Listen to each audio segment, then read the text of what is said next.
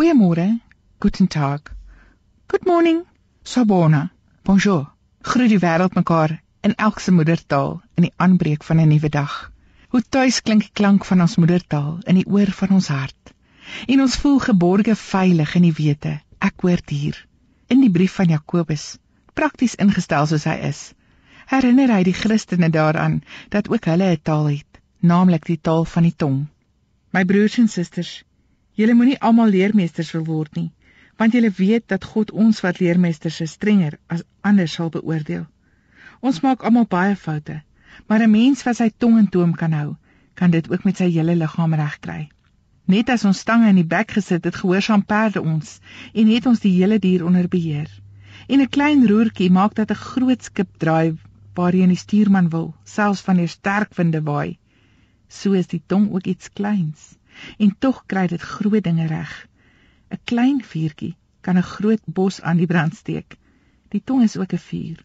Dit is vol dinge wat jou verhouding met God kan bederf. Kan jou hele lewe in vlamme laat opgaan, want die duiwel steek dit aan. Geliefde van die Here, besef jy jy beskik oor 'n magtige wapen, 'n lieflike stuk toerusting wat geen ander wese, die mens op die planeet Aarde kan nadoen nie. Jy het 'n tong wat kan praat en 'n verstand wat woorde indruk sodat die tong hulle kan uitrol en jy op hierdie manier met 'n ganse wêreld kan kommunikeer.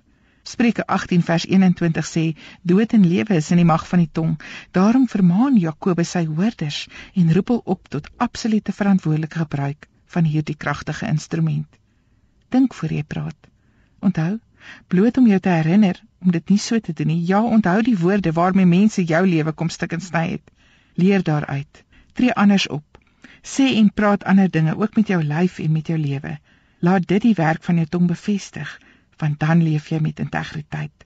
Leef veral anders as die wêreld, waar so baie mense al kwaad en onmag in skel en vloek verwoord. Gebruik God se woorde om mee te praat. Ken daarom die tekste van jou Bybel, want hulle leer jou die gedagtes en die hart van 'n Vader, Seun en Gees God wat liefhet, wat omgee, wat wil herstel en genees. Jy en ek as Christene moet ons monde gebruik om onomwonde en sonder skroom hiervan te getuig. Vra die Here om wagte vir jou by die rand van jou lippe op te stel, sodat onomkeerbare woorde nie per ongeluk in die pyn van emosie uitglip nie. Vra die Here om jou deur die kragtige werk van sy Heilige Gees sy woorde op jou tong te kom uitpak, sodat mense wat jou hoor sal bly word. Want in die klank van jou stem en in die uitspreek van jou woorde sal hulle begin tuis voel, geliefd voel, opgebou word. Agterkom daar is 'n God wat hulle liefhet en omgee. Almagtige God, skepper van tong en taal en oneindige bronne van kommunikasie. Dankie dat U Here vir Jesus na ons toe gestuur het om met ons mense te kom praat. Dankie dat hulle sy woorde en dade kon onthou en dit kon opteken sodat ons die taal van ons Vader se hart kon leer ken. Maak dan ook die taal van ons tonge vol van U liefde, U genade en U vergifnis, Here. Asseblief en dankie. Amen.